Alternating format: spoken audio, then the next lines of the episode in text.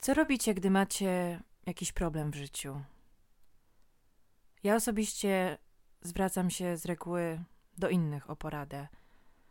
Często pytam innych, co mam zrobić, i potem inni mi mówią, że często nie słucham tych ich rad, że i tak robię po swojemu i tak naprawdę niepotrzebnie mi powiedzieli, co mam zrobić, bo ja i tak zrobię tak, jak uważałam.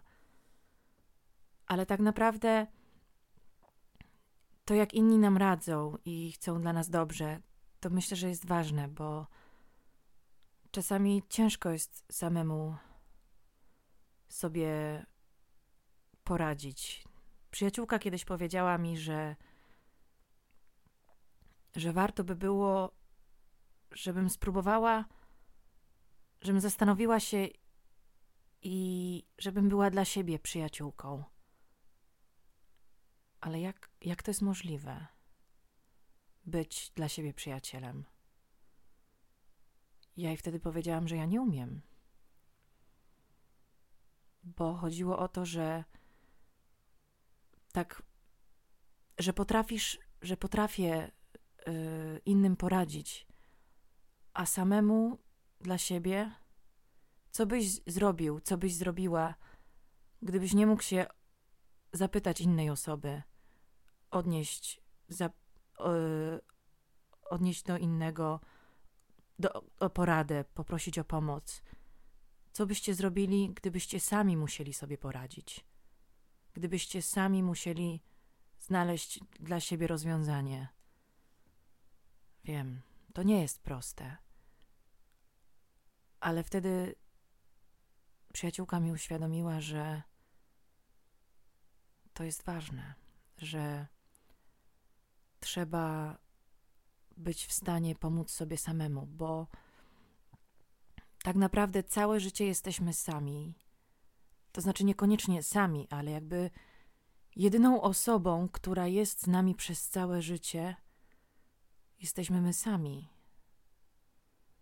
I to nie nikt inny jak my, my sami powinniśmy siebie rozumieć i powinniśmy sobie pomóc najbardziej, umieć pomóc.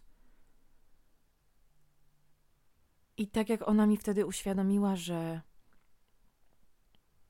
powinnam być dla siebie dobra, powinnam umieć siebie jakoś za uspokoić, za zapomóc, zapobiec i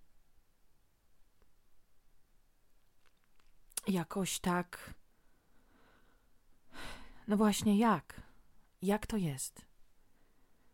Jak to zrobić? Ciężko, myślę. Ale to tak bardzo uświadomiło mi, że że warto być dla siebie ważnym, że trzeba trzeba siebie stawiać tak samo wysoko jak innych. To znaczy, mam na myśli to, że nie powinniśmy stawiać innych wyżej ani niżej niż siebie, że każdy jest tak samo ważny, że każdy człowiek jest e,